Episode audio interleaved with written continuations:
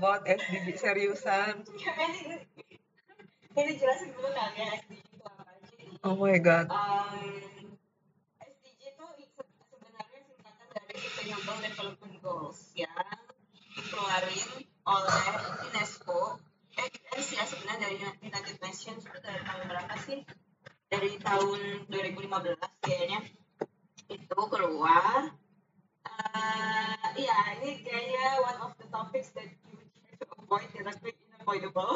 Inevitable banget jadi eh waktu kan anaknya emang gak terlalu kalau kan anaknya gak terlalu seberapa care sama dunia ya sebenarnya sama world issue kan sekarang kan sebenarnya bikin mumet gitu walaupun emang kadang suka waktu zaman zaman yang di SMA or kuliah tuh kan ada itu loh kayak suka apa sih bocah-bocah tuh pada ikut eh, bukan kompetisi tapi apa kayak eh, pemilihan gitulah eh, apa seleksi buat ikut UN models gitu kan. Iya. Nah, terus kan itu anak-anak yang ikutan itu yang pada kelas seleksi kan PhD balik gitu kan, and like di sini kan anaknya kayak agak-agak suka yang berbau internasional jadi begitu kalau misalnya ada yang kayaknya ikutan eh, acara apa event apa yang internasional itu kayak "Eh, keren banget keren banget Hmm, kayak hmm, gitu. terus itu nggak pernah kesampaian ikut kompetisinya itu di sekolah sama di kampus tapi terus kan pas pindah ke sini kita ASC kan nah, Hmm. ternyata salah satu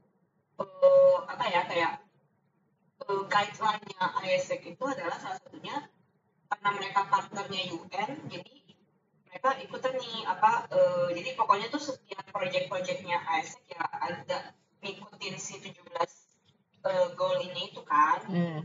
Eh, terus habis itu sekarang eh, I I observe you as one of the persons who actually do something about it gitu loh. Jadi pengen denger aja like questionnya juga sebenarnya question question yang ini lah. Ini kalau misalnya teman-teman pada penasaran bisa eh, google sendiri ya. Itu ada apa sih kayak pamfletnya gitu loh posternya 17 goalnya itu terus questionnya tuh cuma kayak sekedar em, dari 17 ini like which one of them concerns you the most? Concerns us the most Eh, tapi ya sebelumnya ya, ini ya, gue tuh, gue tuh baru tahu ternyata kalau di SMA itu ada yang kegiatan yang kayak gini-gini nih, yang UN-UN model gini loh. Karena, iya karena gue nonton dari Netflix. Jadi baru-baru ini aja gue tahu bahwa ada kegiatan kayak gitu. Gila nggak lo? Masalahnya kan dulu di SMA gue kan nggak ada kayak gituan. Oh iya ya nggak pernah di Oh ya masa sih eh tunggu tunggu Nggak, nggak pernah. Nggak pernah. Nggak pernah belum ada kali tes angkatannya situ soalnya angkatannya sini tuh ada ikut dari sekolah kita justru dari sekolah sama kayaknya angkatannya situ berarti belum ada Oh karena gitu. kan kita ada lima tahun difference ya Oh, kayaknya baru mungkin ya, mungkin ya. eh, emang Iya. Terus gue kan ngerasa kayak ini gila, ini keren banget nih. Kayak maksudnya, damn, gue kayak berharap dulu waktu gue SMA itu udah kayak gitu gitu loh. Karena kan gue selalu mengkritisi pola pengajaran yang di SMA gue itu kan karena kurang Hmm. membangun critical thinkingnya kan dan menurut gue tuh yang kayak gitu tuh udah keren gila gitu loh banget dan itu nggak bisa di Netflix by the way ada ada ada. Ada. Jadi ada suatu serial tuh ceritanya tuh dia anak pinter gitu. Dan dia jadi ya dia berkompetisi tuh salah satunya tuh ngikut di jadi ek- ekskulnya dia tuh yang UN model ini. Aduh Iya udah kebanyakan yang gue tonton itu itu cuma satu season tapi masih ada bakal ada sambungannya gitu gue lupa. Pokoknya itu pem- pemain utamanya itu anak India yang tinggal di Oh. Amerika eh, namanya Devi. Pada ingat kali kalau yang nonton? Iya. Gue nggak ingat tapi judulnya gue lupa. Oh, from Never Have, Never Have. Judulnya. Iya bener bener bener bener bener. Apa cool dong? iya jadi baru baru Iya, banget. iya keren kok itu. Biasalah Netflix kan eh, mengupayakan inklusif ya. Nah, sekarang udah lumayan, maksudnya kayaknya konsep-konsep yang mereka ini buat film-film mereka lumayan sih? Kemarin baru nonton ini The Two Popes. oh itu lucu lagi itu gila. Iya, I don't like either it is it was or not. Kayaknya oke sih, maksudnya menarik lah. menarik menarik banget itu bagus banget sih itu menurut gue kayak ya kece lah menurut gue like damn Scandals. iya keren sih keren sih apa nih jadi per gue jawab gue tinggal jawab pertanyaannya itu doang kan Ada apa yang paling concern Oh. and why?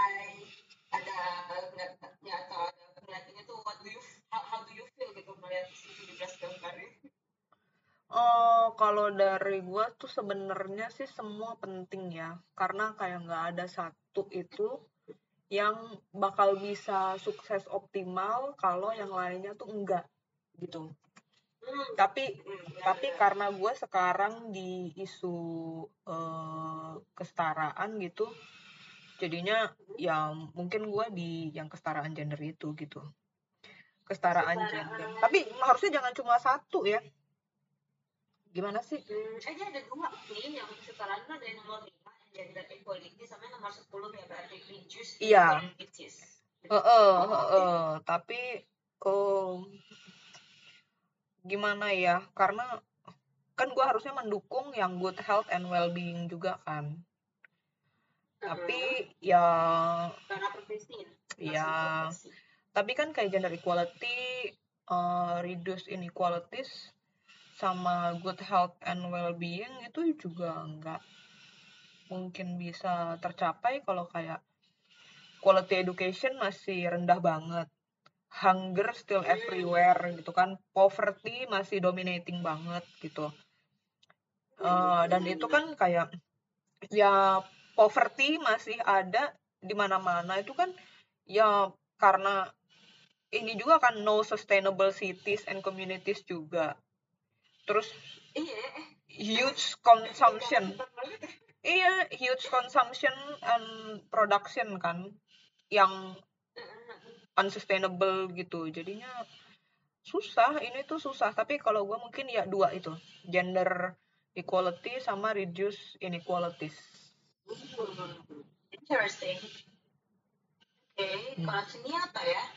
Sini tuh aneh sih soalnya kayaknya dari zaman dulu tuh agak-agak lumayan dari kecil kan emang lumayan apa eh, interested sama education gitu, quality Hmm. education. Salah satunya kan emang karena ngerasa korban ya dari unqualified education. Hmm, hmm, hmm, hmm, kayak non-quality education gitu loh Hmm, ngerasanya. Ya sebenarnya bukannya non-quality education sih, tapi emang ada banyak like, oppression lah gitu Iya. di dalam education system di sekolah kita kan. Iya, nggak cocok aja sih. ya, Nggak cocok aja sama ya, kita kita. nggak cocok. Hmm. Iya kayaknya cuma karena nggak cocok karena kan itu banyak juga kayak bocah-bocah yang sebenarnya appreciate Iya. di school banget gitu. Betul, betul.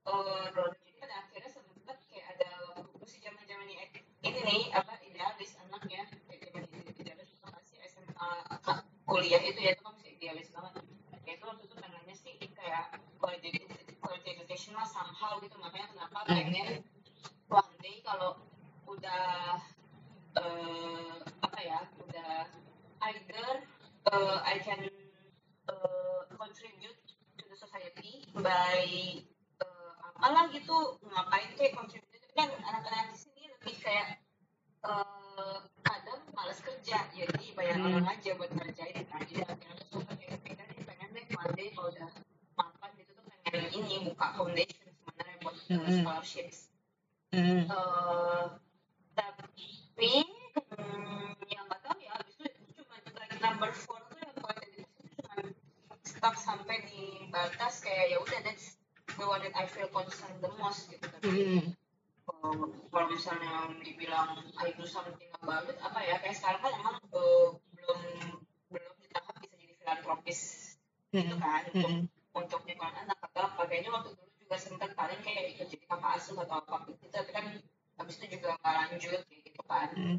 Eh, akhirnya ya udah jadi sekarang tuh I feel like kayak cuman sebatas kayak misalnya I think the most concrete thing that I do tuh yang ini eh, ngajar bahasa Prancis itu di cafe Hmm. karena kan yang kita eh, ajarin tuh benar-benar kayak misalnya refugee atau um, orang-orang yang masih apa ya masih belum legal lah eh, apa stay-nya di France jadi makanya kenapa mereka belum bisa kerja belum bisa eh, dapat kerja belum bisa sekolah pun mereka nggak boleh kan sekolah Hmm. legal gitu jadi akhirnya kenapa eh, ngajarin mereka juga gitu karena mau nggak mau kan di Prancis kan punya kayak gitu ngomong bahasa Inggris itu nggak nggak bisa membantu mereka ngapa-ngapain lah gitu kecuali ya sekedar misalnya kalau mereka bisa ngomong terus mereka kerja di restoran tempat tapi kan ya ya udah cuma Hmm. sekedar gitu doang gitu kan itu kenapa akhirnya ngajarin itu hmm, kalau misalnya yang lain apa ya dulunya tuh juga kayak gara-gara sekolah arsitektur mau nggak mau pasti agak-agak kesentil dan offended gitu loh Hmm.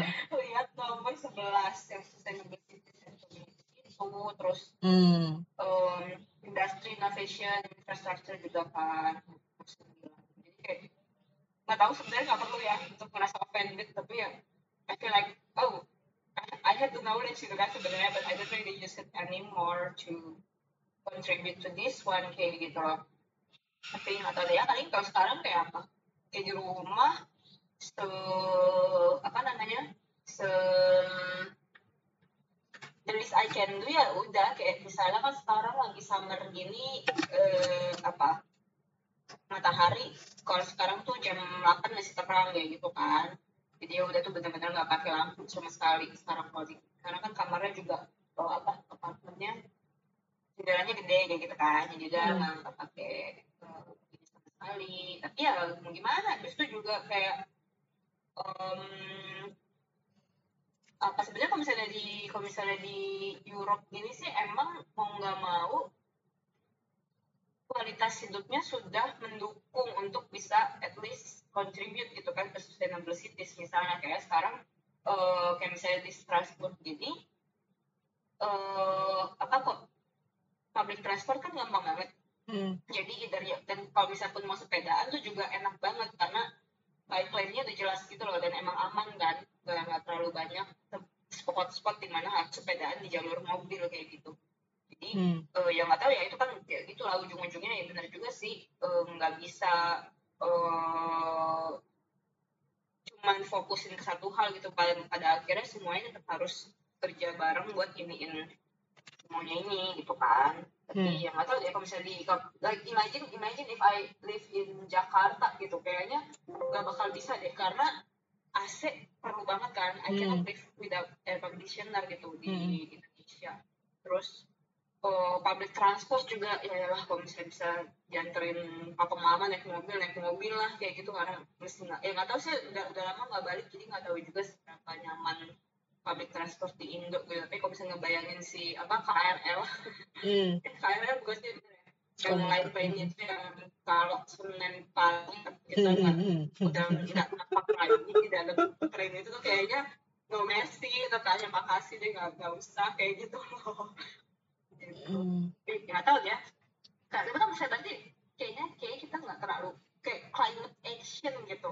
Kayaknya nggak tahu Hmm. sih kayaknya cuma bantu doa aja sih buat mereka Iya. aktivis-aktivis Makanya Iya, gue iya tuh ya kalau eh, makanya gue tuh sekarang tuh ya ngerasanya kayak ya gue nggak tahu makanya itu kan eh, aktivisme gue itu tuh benar-benar sesuai mood banget ya karena dan gue maksudnya gue melakukan kegiatan aktivisme gue itu benar-benar karena gue nggak tahu gue mau ngerjain apa lagi gitu. Eh, eh, jadi ya karena gue maksudnya concern juga dengan isu itu terus kebetulan eh, platform gue eh, mulai maksudnya growing lah slowly tapi growing terus gitu Eh, jadi kayak ya ya ada kali lah ya manfaatnya gitu ya. Cuma basically sebenarnya gue tuh udah di level yang everyday is pessimistic sebenarnya. Yang kayak gue ngerjain ini gue ngerjain kegiatan aktivisme ini dan keluar-keluar kayak gini tuh gue yakin gak ada gunanya sebenarnya. Karena untuk mencapai SDG itu gue sebenarnya uh, pola pikir gue sekarang adalah bahwa itu akan bisa dicapai uh, hmm. hanya dari pemerintah dan korporasi besar kita kita ini hmm. kalau yang kayak ya kayak kayak gue kayak lu benar-benar cuma warga negara tunggal doang mungkin gue dengan platform hmm. gue ya cuma segitu doang. Follower gue bahkan sepuluh ribu aja belum. Gue rasa kayak udah punya follower sejuta aja tuh kayak nggak belum tentu akan ada efeknya juga gitu. Orang Indonesia kan 200 jutaan ya hampir 300 juta gitu. Punya follower satu juta tuh kayak apa gitu ngefeknya? Meskipun kayak follower udah yang paling gede follower di Indonesia berapa juta sih? Gue nggak tahu deh. Itu tuh kan dibanding sama seluruh dunia itu berapa gitu padahal padahal maksudnya perubahan-perubahan besar itu hanya bisa uh, segera paling segera ya bisa terwujud itu dengan kebijakan secara nasional internasional disupport sama korporasi-korporasi besar yang berpengaruh. Kita nih di akar-akar rumput ini nih nggak ada suaranya. Menurut pemikiran gue sekarang. Jadi kayak kalau misalkan makanya gue sekarang mulai um, konten-konten gue itu mengarahkan untuk push kebijakan karena gue tahu gue oh, okay. gue tahu gue nggak mungkin ya bukan gue ya jangan bilang never say never never say never dulu ya gue ya cuma maksud gue gue nggak melihat iya tapi gue nggak melihat diri gue masuk ke dunia politik gitu itu udah kayak okay. beyond my imagination banget gitu ya tapi kalau tapi gue nyadar juga apa yang gue suarakan itu nggak ada gunanya sebenarnya. Karena awareness awareness doang seberapa pun tinggi gue menaikkan awareness orang tentang isu apa pun, tetap nggak akan terjadi perubahan kalau memang tidak ada tekanan dari pembuat kebijakannya gitu. Meskipun kebijakannya udah dibuat pun, itu kan tetap harus ada push untuk implementasinya gimana kan. Kebijakan mah nggak bisa aja dibikin, ya kan?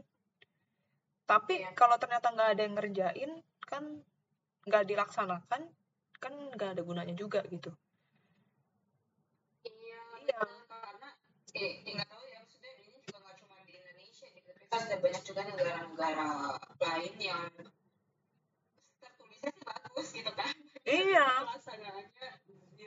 Iya itu dia. Jadi kayak uh, climate change lah. Kesehatan tuh kan ada urusannya juga sama climate change ya banget ya. Cuma gue baru bener-bener baru bener-bener ini aja baru melotot melototin aja. Tapi gue belum mempelajari banget sih uh, apa kok kaitan antara kesehatan sama climate change ini. Tapi itu interesting. Nah soal climate change ini ini kan pengaruh dari pemerintah sama korporasi besar itu kan bener-bener gede banget ya. Untuk sustainable fishing terus uh, seafood product ya kan terus pengelolaan sampah dan segala macamnya. Kayak gitu gitulah. Dan kita tuh yes, kayak mau gimana kita kita mau mau berapa banyak dari kita yang diusahakan untuk nggak pakai sedotan plastik nggak pakai sendok garpu plastik kayak gitu sampai bisa mengurangi sampah di lautan. Itu tuh menurut se sebanyak iya. Ya, sedangkan produk yang paling murah dan gampang didapat ya si sedotan plastik itu. Iya dan perusahaan-perusahaan iya dan perusahaan-perusahaan masih tetap produksi terus gitu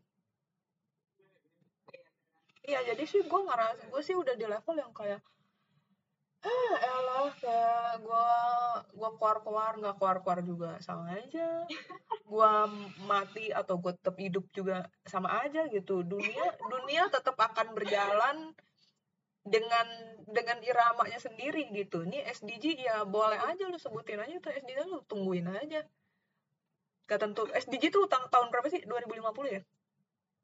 Goal ya? 2000 ya kayaknya 50 deh 2050 kan?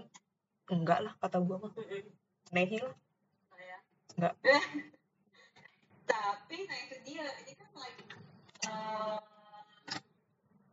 kayak your vision itu kan kalau mm, rasanya nggak ada perubahan karena you see it from a very global point of view gitu kan dunia ya itu bakal nggak tahu lah 2050 sih kayaknya nggak mungkin Nggak mungkin. tapi eh, tapi kan whatever you have done gitu itu tuh di komunitas-komunitas yang kecil bahkan gitu loh untuk orang-orang yang udah cukup muda tuh bahkan sekedar nge-like atau sekedar Iya. follow akun temen-temennya situ pun udah something kan yang yang Iya. kayak mungkin kayak like the first step lah of Mm-mm. uh, the, the following steps gitu. Iya, tapi ya udah cuma begitu doang. Heeh, tapi yang nggak tahu bisa dibilang apa dong kayak nah, itu dia lagi kan ini konteksnya kalau satu orang yang aku bilang satu individu gitu kan Hmm. nah yang berpikiran kayak situ kan nggak cuma situ kayak ada orang-orang lain juga gitu loh yang dengan pemikiran yang kurang mirip yang Hmm. concernnya kurang mirip Hmm. ya di dalam bubble mereka sendiri somehow I believe sih mereka udah nge- apa influence lah ya Hmm. Uh, influence more kayak gitu dan sebenarnya ya sih ini menarik ini menarik sebenarnya nggak tahu sebenarnya kayak UN itu ini tuh PBB ya kalau bahasa Indonesia ya Iya. anggotanya UN itu kan 100 something ya dari dua- 200 negara Iya, itu 190 berapa gitu. 194 kalau nggak salah. 94 yang berarti kan most of the world gitu kan Iya. uh, agrees to to work on this tapi ya nggak tahu ya kenyataannya sih yang di yang kelihatan gitu I, don't know sih kalau di Indonesia sekarang kayak apa sih soalnya kalau misalnya mau dibandingin sama uh, di Prancis gitu misalnya Prancis kan Iya. masuk salah satu negara yang kayaknya lumayan aktif kan Iya. menggalakkan ada yang kemarin apa tuh yang uh, treatment atau apa itu yang lumayan sering uh, invite ada countries buat Hmm. Uh, bikin kebijakan baru atau apa dan lagi kan belum lagi didukung sama si EU yang Hmm, European iya, iya. Union yang kerjanya adalah bikin-bikin kebijakan-kebijakan yang melindungi negara-negara dalam EU gitu ya. Hmm. Sekarang ada 28 28 negara itu Hmm. gitu. Uh, nah itu penasaran sih sebenarnya salahnya di mana ya kayak kenapa kayak ngerasa itu hidup di gampang banget gitu. Mereka tuh ngerti banget kayak gitu Hmm. se- seberapa pentingnya gitu. Iya. kebijakan-kebijakan tuh juga kayaknya masuk akal dan segitu gampangnya gitu untuk di, dijadiin. Karena ya nggak tahu ya emang orang-orang sini kan juga lumayan suka protes. Hmm. Eh, kayak mereka tuh eh apa sih demo ya? Kayak mereka demo itu eh, ada jadwalnya dan memang dijadwalin gitu. Jadi Hmm. mereka boleh demo. Eh, kalau mereka mau demo yang penting aman ya selalu kan disediain disediain itu polisi disediain keamanan gitu security tapi jadi orang-orang yang protesnya nggak di nggak ditangkap eh yang yang nggak boleh protes itu cuma yang nggak bikin janji gitu kalau Hmm. mereka nggak nggak minta izin nggak ada izin protesnya itu baru mereka bakal ditangkap gitu. Eh, yang nggak tahu ya maksudnya orang-orang sini juga banyak yang pasti komplain lah kerjaan orang sini kan ya kerjaan manusia kan banyak komplainnya ya ngomongin orang sama komplainnya kan jadi eh, kayak kadang-kadang juga ya apa pun yang kebijakan yang pemerintah ambil itu juga mereka pasti ada sih eh, apa namanya eh, nggak setuju nya gitu kayak misalnya Hmm. juga eh, nge-vote siapa yang bakal duduk jadi apa eh, representatif di EU aja tuh um, tahu mereka mereka lumayan peduli sih anak anak-anak muda di sini juga kan banyak diajakin kan ayo kita voting buat EU tahun ini kayak gitu. Gitu Hmm. mereka tuh lumayan lumayan belajarin tuh siapa-siapa aja yang bagus buat untuk uh, ya ada juga sih yang nggak peduli ya tapi maksudnya from my uh, circle of friends sih mereka lumayan peduli gitu dengan itu. Hmm. salahnya di mana gitu? Kenapa nggak misalnya kayaknya kesannya di Indo atau di negara-negara Asia lainnya gitu atau negara Afrika gitu misalnya or Middle East gitu. Bahkan even kayak like di Southern Amerika kayaknya susah banget gitu buat bahkan US gitu kan susah untuk me, mm, put in place lah this kind of uh, kebijakan yang sebenarnya kayaknya secara logis iya gitu kan maksudnya orang-orang yang logis dan waras bakal oke Iya. setuju gitu tapi iya. ini susah banget gitu buat mereka bikin kebijakan ini apa sih di dalam itu apakah karena korupsi itu karena pemerintah juga mau nggak mau eh, kena influence dari eh, perusahaan-perusahaan besar atau apa ya sebenarnya? Ya kalau menurut gue sih karena salah semuanya aja. Semua di semua Salah sisi semuanya. eh, di semua sisi Indonesia tuh salah. Oke. dari orang-orangnya aja kan udah nggak waras ya pertama ya ini karena ini eh, karena podcast kita penonton eh, pendengarnya masih dikit banget jadi nggak apa-apa ya. Gue gua cukup pede gue nggak bakal hilang ya. Soalnya iya karena kan kita lihat depan. Lanjut apa? aduh masalahnya kan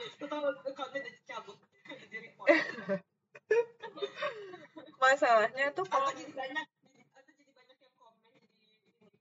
aduh nggak tahu deh jangan sampai booming aja. Jangan sampai booming lagi ngomongin ini jangan sampai booming. Masalahnya kan kalau di Indonesia ini kan bukan sistem diktatorial juga kan. Kan apa sih sistem kita ini? Nih kan ini kan ada DPR jadi maksudnya meskipun ada presiden tapi kan presiden kan bukan penentu kebijakan yang utama gitu kan. Kalau gue sebenarnya kan mm, kalau gua tuh kan sebenarnya kan berharap gampangnya ya di otak gua tuh gampangnya ini biar cepet. Ada satu orang yang waras yang bisa mimpin kita eh, secara diktatorial terus dia bikin aja tuh kebijakan-kebijakan yang waras ya kan? Tinggal semua orang di bawah-bawahnya ngikutin. Kan diktatorial ya? Ya kan? Iya. Kan, tapi kan masalahnya kalau diktatorial kan banyak nggak warasnya juga kan. Jadi itu. iya kan. Nah, jadi nah. Even though awalnya waras jadi nggak waras ya. juga kan. Nah, sementara kalau di sistemnya Indonesia itu kan nggak bukan diktatorial. jadi kan sebetulnya dibutuhkan sekelompok orang yang cukup banyak, tapi harus waras semua. Yang mana itu nggak eh, hampir nggak mungkin lah. Karena nemuin nemuin itu pesimis kita ya Iya, karena nemuin satu orang yang waras di Indonesia aja itu susah banget. Kalau dia waras, dia nggak mau masuk politik di Indonesia, ya kan? Apalagi ini mau nemuin sekelompok orang yang kompak waras gitu. Itu jadi kan itu udah satu ya. Terus yang eh ya itu dia tadi karena yang waras-waras tuh nggak mau masuk politik juga kan. Jadi politik itu penuh sama orang yang di panggung-panggung politik itu Iya. penuh sama orang-orang yang nggak waras yang gua gua nggak yakin mereka eh paham bener gitu soal SDGs soal apalah yang peraturan-peraturan atau kebijakan-kebijakan atau perjanjian-perjanjian kesepakatan apa gitu yang komitmen-komitmen apa yang eh, Indonesia tuh udah tanda tangan gitu. Jadi kayak mereka tuh nggak ngerti mereka ngerjain apa gitu mungkin ya. Plus mereka nggak tahu ke- kenyataan di masyarakat Indonesia tuh seperti apa. Yang di eh, perwakilan-perwakilan itu kan yang di DPR segala macam itu kan mereka dari orang-orang kaya ya. Orang-orang kaya yang cuma minoritas sebenarnya di di Indonesia. Karena Indonesia kan masih mayoritas kan eh, menengah ke bawah. Jadi mereka tuh nggak nggak nggak ada yang bisa relate dengan kebutuhan mayoritas masyarakat Indonesia gitu. Jadi pasti ngaco terus. Jadi jadi dari dua sisi nih mereka ngaconya. Mereka nggak tahu secara secara politik itu kebijakan-kebijakan apa yang harusnya udah dijalanin dan mereka nggak tahu kebijakan-kebijakan baru apa yang mereka harus bikin untuk mengakomodir kebutuhan rakyat Indonesia. Gitu. Kalaupun ada yang protes-protes seandainya pun nih ya seandainya orang Indonesia itu rajin-rajin protes kayak orang Perancis gitu ya dijadwalin gue nggak yakin mereka itu bisa menampung suaranya juga dan menganggap protes kita itu relevan. Karena buat mereka itu bukan masalah mereka. Mereka tidak pernah merasakan itu sebagai masalah. Gitu. Makanya eh, saat ini tuh undang RUU RUU yang menurut kita penting banget menurut mereka nggak penting. Makanya nggak maju-maju. Kayak gitu. Jadinya ya ya itulah kalau di Indonesia tuh salahnya itu mau gimana ya kan? Yang masuk ke sana yang masuk ke sana tuh gua bilang orang kaya loh bukan orang pintar. Karena kenapa bisa gitu ya? Ya karena banyak politik uangnya juga kan.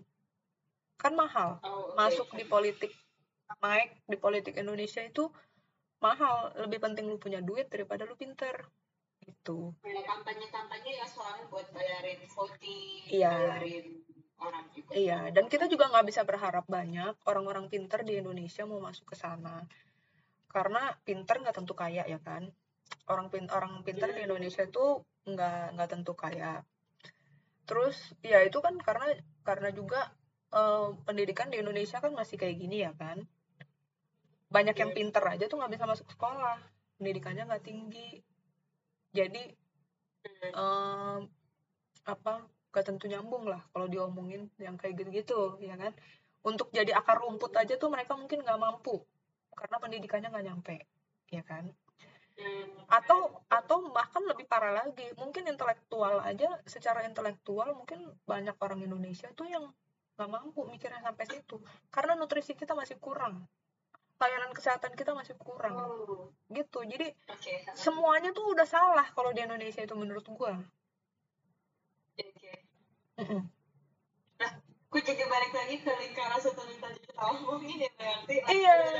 Itu berarti like we cannot attain the sustainable development goals cannot without having whatever written in these goals gitu. Terus gimana cara kita bisa ya nggak ada. Karena kan SDG itu kan deng- dengan vision yang utopia banget ya.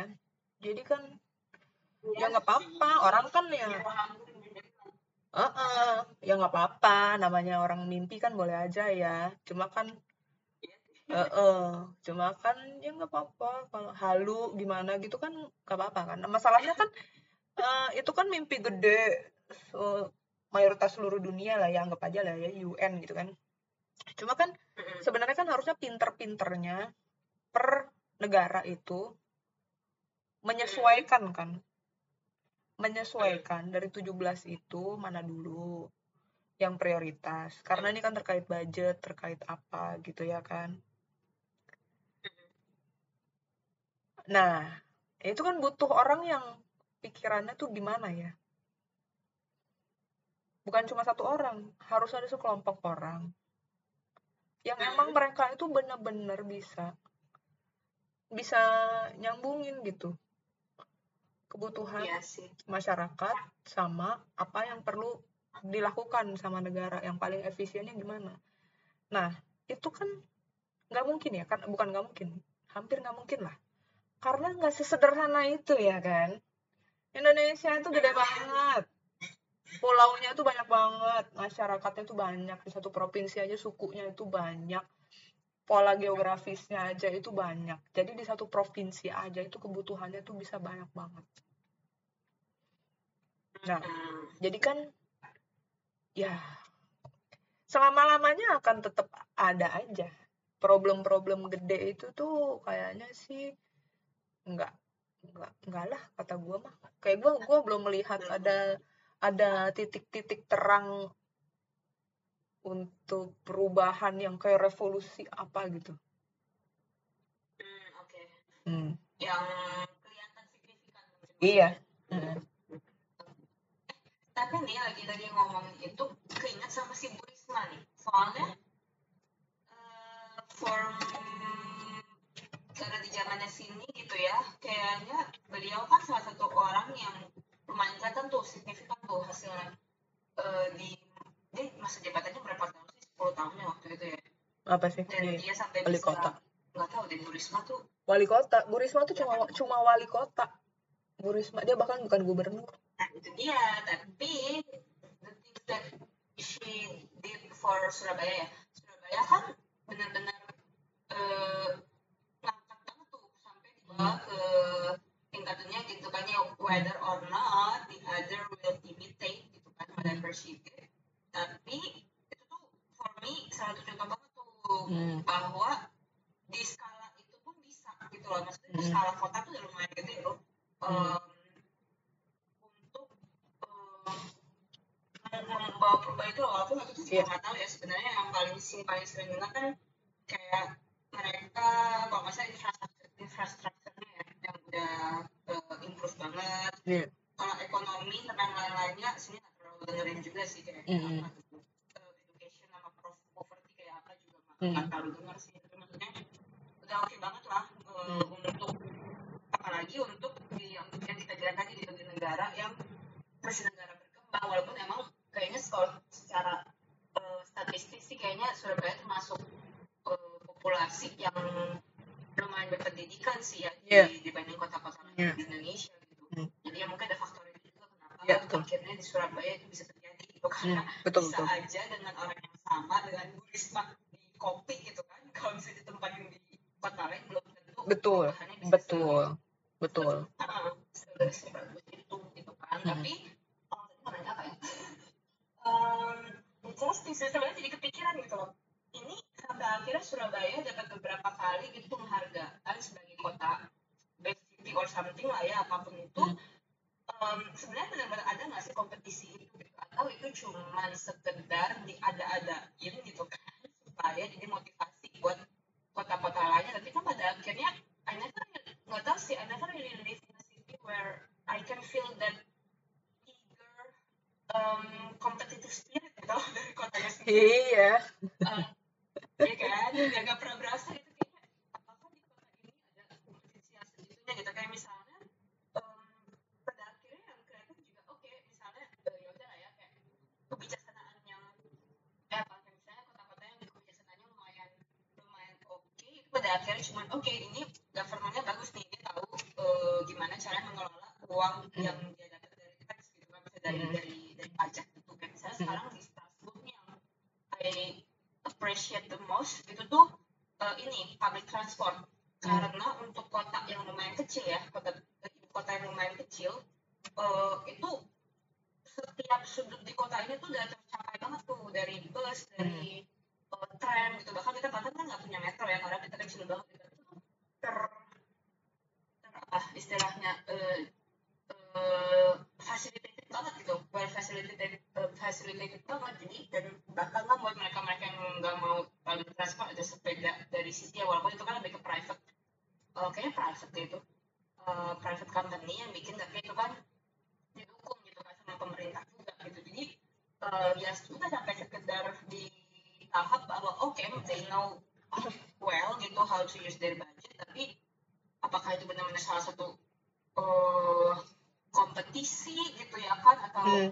apa gitu tujuan mereka sebenarnya me- me- me- mengimprove segitunya gitu di kota ini karena misalnya juga kan untuk emission eh, karbon em, dioksida itu kan juga lumayan ya ada, ada hari-hari di mana eh, cuaca cerah dan tingkat polusi jadi meningkat itu kan mereka habis itu ngegratisin tram gitu misalnya hari itu atau eh, ya lah kayak kayak kayak gitu gitu dan pem- penanaman pohon juga lumayan bagus gitu kan di sini lumayan banyak gitu kan green green space ya tapi eh, apakah misalnya gitu kalau emang benar-benar ada kompetisi di mana hadiah yang dikasih ke pemerintah itu bukan dalam bentuk piagam penghargaan or uh, trophy ya kan Hmm. yang which which is for us like oke Messi gitu tapi buat apa gitu kan yang nggak nggak cuma sekedar kayak youtuber dapet apa tuh yang 10k Hmm, uh, Play button, play button. trofi itu play button. Nah, tapi benar-benar either do it untuk mereka ngembangin lebih lagi gitu. Or uh, apa ya mungkin kalau misalnya dulu juga kurang bijaksana ya karena kan pada akhirnya uh, malah jadi uh, kota-kota lain atau negara-negara lain yang nggak punya duit itu malah jadi, malah jadi makin nggak bisa. Nggak bisa. Maju duit itu dikasih ke yang karena duit itu dikasih ke yang udah udah bagus. Tapi apa ya if there is really uh, such competition gitu yang habis tuh memotivasi lah si kota-kota atau negara-negara ini untuk bener-bener ayo kita bikin gitu tuh kayaknya bakal kece banget tapi ya itu lagi ya utopia ya Mm-mm. ini udah udah idenya bagus-bagus ujung-ujungnya belakangnya utopia ya iya. Sebenarnya emang Nggak kalau misal kalau yang setahu gue yang di Indonesia itu itu memang bukan dalam rupa lomba sih. Maksudnya Oke. bukan dalam rupa kayak tahun ini ada target apa gitu kan. Terus ayo semua kota-kota atau provinsi berlomba gitu. enggak itu tuh memang cuma eh, kayak ajang aja yang diadakan oleh pemerintah gitu tanpa harus ngapa-ngapain ya bukan tanpa harus ngapa-ngapain sih maksudnya tapi pemerintah itu yang akan menilai dari indikator-indikator tertentu gitu per periode ya tahun ini gitu misalkan eh, daerah mana gitu yang paling oke gitu. Ya udah cuma gitu aja terus dapat dapat penghargaan dan itu kan juga kadang-kadang kan indikatornya antara nyambung nggak nyambung ya gue nggak ngerti juga deh. Karena tuh nggak jelas juga jadinya tuh kayak ya udah setiap kota cuma perlu mengupayakan yang terbaik aja terus nunggu dia dipilih apa enggak gitu. Tapi kan sebenarnya Oh, iya jadi iya jadi masyarakatnya sih nggak nggak akan tahu menau gitu. Mungkin dia juga nggak tahu kalau daerahnya tiba-tiba menang gitu kan ya. Karena kan bukan dia juga yang ngerjain. Yang ngerjain kan bener-bener perangkat kotanya gitu loh. Pejabat-pejabat Oh, pemerintahan oke. di daerahnya situ gitu. Jadi ya masyarakat mah kayak biasa-biasa aja gak ada antusiasmenya. Karena itu kerjaan pemerintah tapi kan Hmm, eh, eh, oke. tapi kan sebenarnya kalau misalkan dia orang yang cukup visioner lah ya eh, maksudnya kalau misalkan kayak Bu Risma atau kayak Pak Jokowi gitu dia dari wali kota Solo gitu dia kalau misalkan cukup visioner dan dia punya mimpi gede untuk Indonesia kan dia mungkin sebenarnya bisa menjadikan eh, panggung politik itu untuk jalan jalan panjang dia gitu kan untuk membawa perubahan gitu di di negara ini gitu ya soalnya kan kayak gue yakin Jokowi itu waktu ngerjain atau Bu Risma waktu ngerjain Surabaya itu ya dia malah nggak mikirin penghargaan-penghargaan itu gitu. Dia pokoknya Hmm, emang iya. iya dia pokoknya emang ngerjain aja. Dan terus kan emang Indonesia ini kan eh, kekurangan tokoh yang kayak gitu gitu kan. Jadi tokoh-tokoh yang memang kelihatan membawa perubahan oke lah ya membawa perubahan baik itu itu kan pasti langsung dapat sorotan gitu. Dan sebenarnya itu mereka punya chance untuk bisa naik sampai presiden kan. Kayak misalkan kayak Bu Risma aja kan sebenarnya kan dia punya chance juga. Cuma kan emang dia yang nggak mau aja gitu ya kan. Buktinya kayak si Jokowi asal dia punya hal-hal yang disukai sama rakyat Indonesia dia punya chance gede kok. Bisa kan? Ternyata kan bisa gitu cuma Hmm, iya, dari bukan siapa-siapa heeh, terus dari wali kota Solo tuh cepet banget terus jadi di Jakarta terus langsung presiden kan. Sebenarnya kan kayak si Sandiaga Uno atau eh, siapa Ahok segala itu kan juga bisa kan sebenarnya. Kan cuma kan Ahok udah langsung dijegal kayak gitu kan karena karena ya karena dianya juga begitu ya kan? Jadinya eh eh, jadinya tuh emang emang ya makanya kalau di Indonesia menurut gue emang benar-benar kerjaannya pemerintah banget karena maksudnya jauh lebih mudah Mhm. hmm, perubahan-perubahan itu tuh dilakukan oleh pemerintah karena Oke, karena masyarakatnya masih belum nyampe tadi ya, Iya. bisa ngerti, oh this is like the whole country's work gitu. iya jadi mendingan itu udah aja nih beberapa orang yang kita pilih untuk jadi perwakilan kita semoga lu waras gitu. Dan lu bikinlah kebijakan-kebijakan itu yang waras. Lu tinggal push orang-orang bawah lu buat ngerjain. Udah itu aja. Iya kan? Kan jauh lebih mudah daripada kita kita yang minta apa oh ya oh Remah-remah. iya daripada kayak akar rumput gitu. Mana oh ya harus harus eh, semua anak harus sekolah ya kan? Semua anak harus dapat gizi baik terus perempuan-perempuan harus eh, eh, rajin periksa kesehatan kita kasih edukasi kaspronya dan segala macam lah fasilitasnya nggak ada. Sekolahnya belum ada ya kan? Rumah sakitnya nggak siap kayak gitu. Pertaniannya masih ambiar. Kan nggak bisa gitu jadinya ya selain mungkin gue males juga kali ya ya maksud gue ya udah lu bikin deh tinggal gue kerjain aja gitu Hmm, ini ini jadi jadi nih. Ini kan kalau misalnya dalam konteks eh, pemerintahnya yang kita harapkan secara kolektif mereka orang-orang waras gitu kan. Saya benar juga sih kayak walaupun Jokowi dulunya kece banget nih Mm-mm. eh, waktu masih menjadi gubernur segala macam kelihatan kan sebenarnya pas beliau jadi presiden pun ada banyak tekanan dari partainya gitu. iya dan kak kece Is it really him gitu?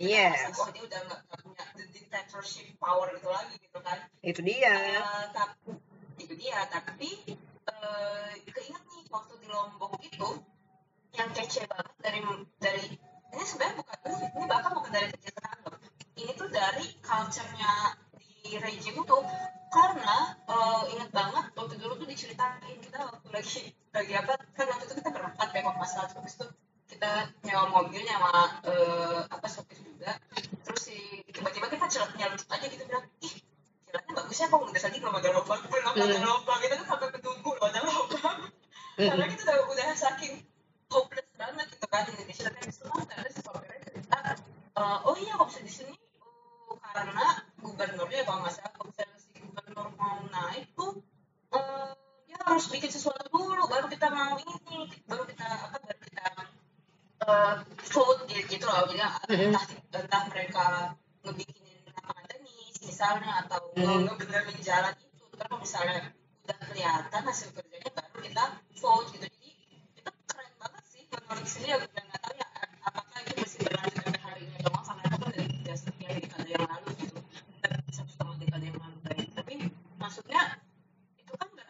berarti orang-orang ini tuh uh, dipilih karena hasil kerjanya gitu ya itu apa pun lah motivasinya dia mau jadi gubernur walaupun pada akhirnya ujung-ujungnya itu juga emang buat korupsi tapi at least dia do something dulu gitu loh sebelum dia mendapatkan duitnya itu karena kan berarti eh, kalau bisa dipikir-pikir berarti dia benerin jalan segala macam dari duit kantongnya kan dia kan belum jadi ini pejabat waktu dia benerin Mm. Mm. infrastruktur kotanya Mm-mm. terus eh ya udah berarti ya anggaplah misalnya eh, amit-amit sih tapi kalau misalnya menjadi korupsi ya anggaplah itu kayak balik modalnya dia gitu karena udah berkontribusi membangun si region itu gitu Eh, ya emang sih ini nggak mungkin banget ya kalau misalnya dalam skala negara gitu. Karena kan ada banyak banget gitu yang harus diperbaiki. Tapi itu I think it's one of the culture yang sebenarnya bisa secara eh, apa sih istilahnya diaspora ya bukan diaspora apa sih yang dalam skala kecil tapi banyak gitu loh masif kayak masif eh, imitation kalau misalnya itu bisa benar-benar dilakukan di negara di di kota-kota lain gitu wah itu kayaknya bakal banyak banget itu perubahan gitu dari either infrastrukturnya lah atau dari nggak tahu ya pendidikan atau apalah gitu kayaknya bisa nggak sih menurut situ itu jadi something yang applied untuk Enggak. do achieve Enggak, menurut mau nggak, menurut gua mah nggak bisa karena itu nggak sustainable. Dia mau, maksudnya pemilihan kan per lima tahun ya. Jadi berarti dalam cuma dalam waktu lima tahun baru jadi satu gitu, baru jadi dua gitu kan kompetisi ya. Kompetisi misalkan dua tiga Hmm. orang gitu kan. Terus dua, sa- misalkan yang satu bikin jalan, yang satu bikin Hmm. eh, sekolah, yang satu bikin rumah sakit gitulah ya misalkan ya. Misalkan tiga-tiganya kece nih ya. Kan bisa aja tiga ini kan sampah doang ya. Cuma bangun masjid doang ya kan. Cuma bikin eh, eh, cuma ngelebarin lahan atau apa gitu kan. Misalkan kece nih jalan sekolah sama rumah sakit gitu kan. Tapi itu cuma terjadi lima tahun sekali. Dan itu kan kayak em, ya itu tadi nanti habis mereka naik kan mereka juga eh, lupa ya. Terus udah nggak fokus lagi gitu kan. Jadi yang mudah mereka bikin itu juga terus nanti akan terbengkalai gitu juga gitu. Terus nanti lima tahun lagi baru eh, siapa lagi bikin bikin apa lagi. Menurut gue sih nggak sustainable first of all. Terus eh, pertama itu. Terus kan ya itu kan nggak tentu menjawab nggak tentu menjawab kebutuhan dari masyarakatnya gitu. Hmm. Iya jadi maksudnya eh apa ya itu kan kayak you tuh kerjaan yang you have to do it continuously gitu. Habis ini apa ini apa ini apa ini apa kayak lu benar-benar harus Hmm. tahu setiap perkembangan dari eh, warga lu gitu. Bukan semata-mata ya udah lu bikin jalan aja gitu. Terus lu bikin sekolah aja tanpa kayak lu pikirin em, apa UMKM-nya di sekitar jalan itu tanpa lu pikirin eh, gurunya ka- kayak apa tuh standarisasi gurunya ketersediaan gurunya gaji guru honorernya yang ada di situ gitu. Jadi maksud gue uh, ya bikin kebijakan itu tuh nggak bisa gitu juga gitu. Kelihatannya sih uh, oke okay ya oh sekarang kan kayak dia udah bikin sesuatu gitu. Tapi itu nggak sustainable. Perkembangannya jadi perkembangannya juga nggak jadi nggak cepet terus nggak tentu sesuai sama kebutuhan rakyatnya gitu ya kan? Terus bukan bukan menjadi satu hasil yang kayak berkesinambungan gitu. Yang tinggal yang kayak iya jadi uh, apa nanti tinggal berikutnya di oleh orang yang berikutnya tinggal kayak dilanjutin apa digedein aja gitu. Orang yang selanjutnya kan karena sistemnya kayak kompetisi gitu gue pengen dipilih. Gue bikin aja apa gitu kali ya. Yang beda daripada oh, yang sebelumnya. ada, ada. iya gitu. Jadi gue sih kurang setuju sebenarnya kalau kayak gitu. Tapi ya kalau dalam kenyataannya sekarang adanya begitu dan masyarakat udah happy happy aja ya udahlah gue mah.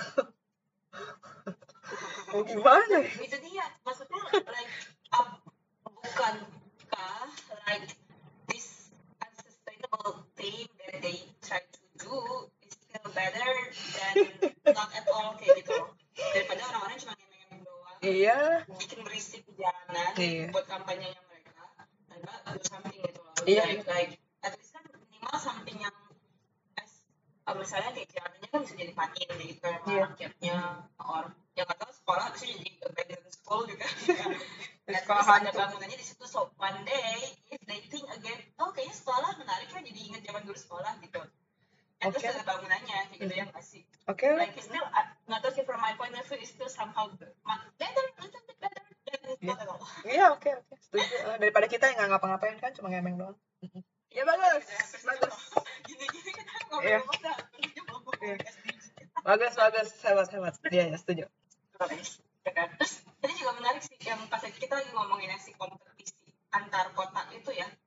Sebenarnya sebenarnya ini juga baru nyadar sebenarnya dengan membuat kompetisi antar kota uh, kita udah me, atau melanggar kali ya SDG nomor 17 iya harusnya nggak eh, iya kompetisi ya harusnya ya entahlah iya makanya sebenarnya nggak sebenarnya kalau yang kayak kalau kompetisi gitu bukan bukan hadiahnya tuh jadi uang kayak yang lu bilang tadi kompetisi okay. itu ya Tapi lahan. nanti yeah. yang nanti yang menang ya dia tuh harus jadi model dia tuh dia tuh eh, apa ngajarin gitu atau yang lain tuh boleh tuh dibanding gitu. Kan kalau misalkan ngajarin kan kayaknya juga nggak terlalu pas ya karena kan bisa aja beda kan daerahnya kan. Maksudnya beda situasinya gitu di daerah yang lain gitu. Tapi bisa yang lain itu monggo studi banding ke sono ngono lo hmm. nah itu kenapa nggak nggak ini nggak dikasih sebagian dari lahan kota sebelah? Karena kan akhirnya si lahan itu jadi bagian part dari kebijakan jadi that means this quality gitu kan itu dia yang tadi gue bilang nggak tentu daerah itu butuh maksudnya cocok dengan kebijakan yang itu gitu. Jadi kan emang di Indonesia tuh ribetnya gitu karena daerahnya beda-beda orangnya beda-beda. Jadinya nggak bisa kebijakan yang di satu daerah tuh nggak bisa nggak pasti pasti nggak bisa 100% tuh full cocok di daerah yang lain gitu nggak ngerti lah negara kita tuh emang susah banget deh gue pengen tinggal di pulaunya Castaway aja tuh sama si Wilson. Nama siapa tuh namanya? Willy William. Wilson? Wilson oh, Wilson? Ya iya. Jadi lo pernah eh lo pernah pernah baca ini enggak uh, ih apa sih judulnya? Utopia. Ini utopia atau apa sih gitu yang lupa. Jadi gue gua emang nggak pernah baca sih tapi uh, eh, gue uh, beberapa kali dengar ringkasannya gitu. Jadi dia tuh menceritakan di novel itu dia menceritakan tentang satu komunitas ideal. Jadi di komunitas itu Ini si Ahmed Khalid Taufik itu bukan? kan buku lama banget buku lama banget. Terkenal sih bukunya. Utopia Thomas More, Thomas More. Tapi Utopia judulnya kok.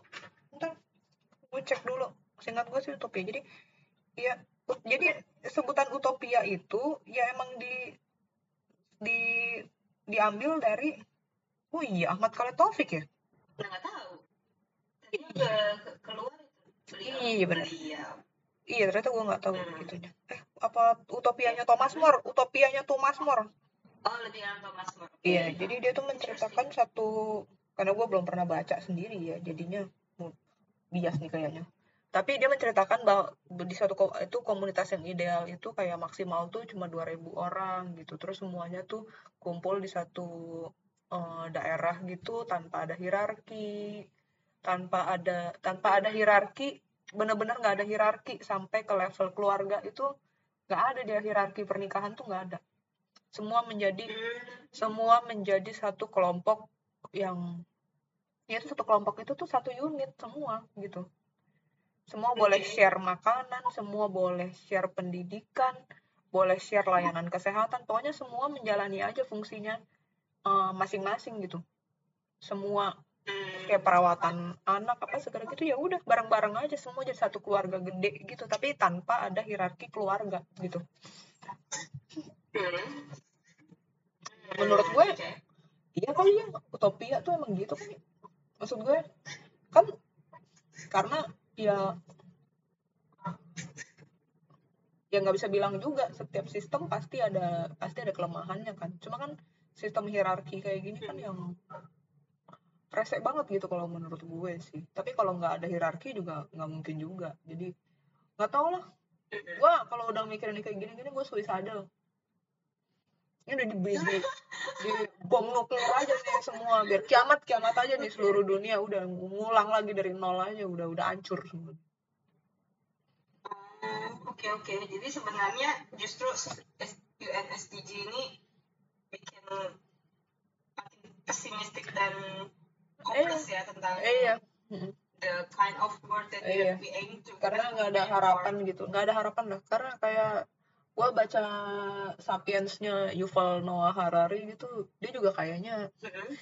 eh ya, Hopeless apatis juga. bukan hopeless bukan dia bukan kayak hopeless sih dia tuh lebih kayak apatis gitu lah kayak ya emang perjalanan sejarah tuh kayak gitu gitu kita cuma bener-bener setitik debu di perjalanan sejarah. Nanti perubahannya bagaimana yang nggak tahu. Cuma bakal bisa di baru bisa dilihat sama orang yang hidup mungkin satu juta tahun ke depan gitu. Sama seperti pada saat ini kita melihat sejarah nenek moyang kita di satu juta tahun yang lalu. Tahu nggak lo Mhm. ya kan? Orang yang nenek moyang kita yang di zaman batu yang homo neandertal gitu kan selama sepanjang masa hidupnya ya mungkin dia merasa dunia ini bakal begini aja nggak akan ada perubahan ya kan? Tapi kan dia nggak tahu satu juta tahun kemudian semuanya udah berubah sama aja. Berubah banget. iya iya jadi kan sama aja. Sekarang juga kita nggak akan ngerasa ada perubahan apa-apa tapi kan perubahan itu kan baru bisa dilihat ribuan tahun ke depan gitu. Jadi ya udahlah kita mau ngapain nggak usah terlalu Ini pikir kita- susah gitu maksud gue Kita ngomongin kita ngomongin gini ya, I finally understand kenapa di Alkitab di apa Apokalips buku Wahyu itu yang terakhir Tuhan bilang dia akan melenyapkan bumi dan bikin dunia yang baru. Jadi kayaknya Tuhan tuh hopeless sih ngeliatin kita makanya dia bilang kayak udahlah mendingan ini lupain aja kita bikin dunia yang baru. iya Like, ya, ya cuma ya kan I can share that I can share his ini sih jadinya Iya. Itu. Hopeless gitu kan gimana? Kita manusia. Iya itu dia. Cuma kan ini cuma kan satu harinya Tuhan itu kan berapa juta tahunnya di dunia ya? Seribu tahunnya di dunia ya? Apa gimana sih? Skala skala waktunya dimensi waktunya Tuhan tuh sama manusia tuh kan jauh kan? Ya jadi mungkin ini Tuhan baru ngejalanin dua hari kali ya terus ya mungkin dia masih ngerasa oh iya Iya, benar. jadi mungkin- buat, kita kayaknya lama banget. Buat, Iya. dia tuh udah ya udah cuma baru dua hari eh, ya berdua hari apa baru seminggu gitu. Terus dia mungkin masih ngerasa lucu-lucu aja gitu jadinya. Ya iya masih masih imut aja kita semua ini. Jadi ya udah ya mungkin masih seru aja. Jadi apokalips itu juga mungkin masih jauh banget. Jauh banget. Oke. Oke.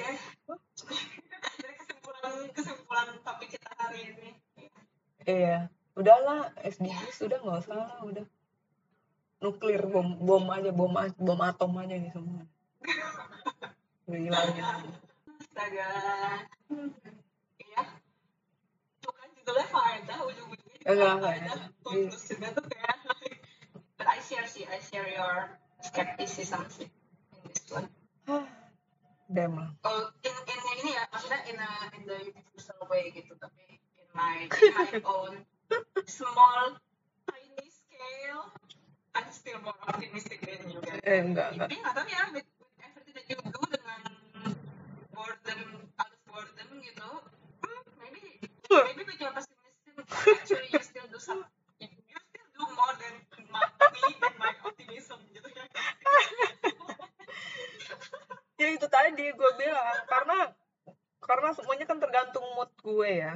Kalau mood gue seminggu ini tuh lagi lagi parah banget lagi di bawah banget jadi gue nggak ngerjain apa-apa juga gitu. Jadi mungkin makanya semuanya terasa lebih nggak ada gunanya lagi gitu.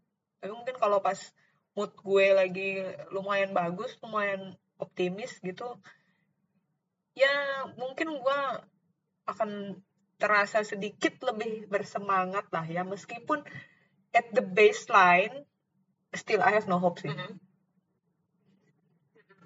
Oh, Oke oke. Hmm. Iya, eh, ya itu sih makanya kayak Iya. istilah will see at the end of it soalnya kan kayak gitu kan yang whatever we do every day kita nggak pernah bisa lihat gitu. Iya, iya. Ya? Tapi itu dia. step by step pessimism. Iya. Iya, tapi sebenarnya kayak meskipun gue kayak melakukan sesuatu juga gue jadinya kadang-kadang juga ngerasa ini gue ngapain sih kayak, kayak hipokrit gitu loh. Nah, tapi kan itu dia. Huh. Ini bahkan ada contohnya gitu di Alkitab kan, si dua anak, si kita kita lagi dua, dua anak dari si dua anak itu yang sulung awalnya bilang, eh, kan dua-duanya diminta kerja sama si bapak, ya si sulung Hmm. bilang, ogah ogah, ah, ujung-ujungnya dia gak enak sendiri harus dikerjain juga, Hmm. hmm. si anak bungsu dah, iya iya iya terus juga perlu dikerjain sama dia gitu kan. Hmm. Dan itu kan konklusinya dari Yesus di situ adalah menurut situ siapa yang eh, akhirnya melakukan pekerjaan dari si bapaknya gitu jadi si anak sulung gitu gitu dong dia sambil ngomel-ngomel gitu at, at the end what comes is what is done gitu loh even even with sup- even with all the hypro, hip, apa Hipokrisi. kehipokritannya itu gitu loh tetap aja that still counts gitu kan. Iya, tapi kan tapi kan eh, itu kan maksudnya karena gue kan em gue kan emang kayak sekarang itu hidup gue kan nggak ada tujuan gitu kan. Jadi maksudnya gue udah gue udah kehilangan that that faith gitu jadi gue benar-benar nggak tahu yang gue kerjakan ini nih sebenarnya untuk apa gitu. Ya mung ya mungkin mungkin emang itu digerakkan Tuhan aja gitu kali ya. Tapi gue sendiri nggak tahu itu tuh sebenarnya fungsinya buat apa gitu. Karena gue memang tidak tahu tujuan hidup gue itu apa. Gue gue merasa kayak iya karena gue kan gue kan sekarang iya karena kan gue sekarang kan fasenya kan eh, gue tidak mempercayai eh, kebaikan dari kehidupan ini gitu kan. Ya maksud hidup adalah penderitaan ya kan. Lebih baik untuk tidak dilahirkan sama sekali gitu. Gitu jadinya hai ini kita itu mah bakal udah yang micro level pesimism ya. Yang benar-benar tuh individual goalnya. Nah non nan nan nan iya kan. Ya gitulah gitulah gitulah gitulah. Jadi ya ya udah dijalanin aja sampai dijalanin aja sampai ntar mati juga nggak tahu apa gitu kan. Meninggalkan dunia dalam bentuk apa dan setelah kita mati juga dunia bakal jadi kayak apa juga kan tahu. Jadi udahlah kayaknya sesuai iman masing-masing aja lah ya. Iya jadi pembicaraan SDG ini ya udah nggak apa-apa. Kita anggap obrolan warung kopi aja. Iya karena emang itu terjadi dari awal. Kita kan ngemeng-ngemeng tuh ngomongin gitu. Iya. judulnya banget iya judulnya doang kece ya. Tapi sebenarnya ya? anfa. Anfa ya dah. Nggak apa-apa. Oke okay. lovely oke okay. fun lovely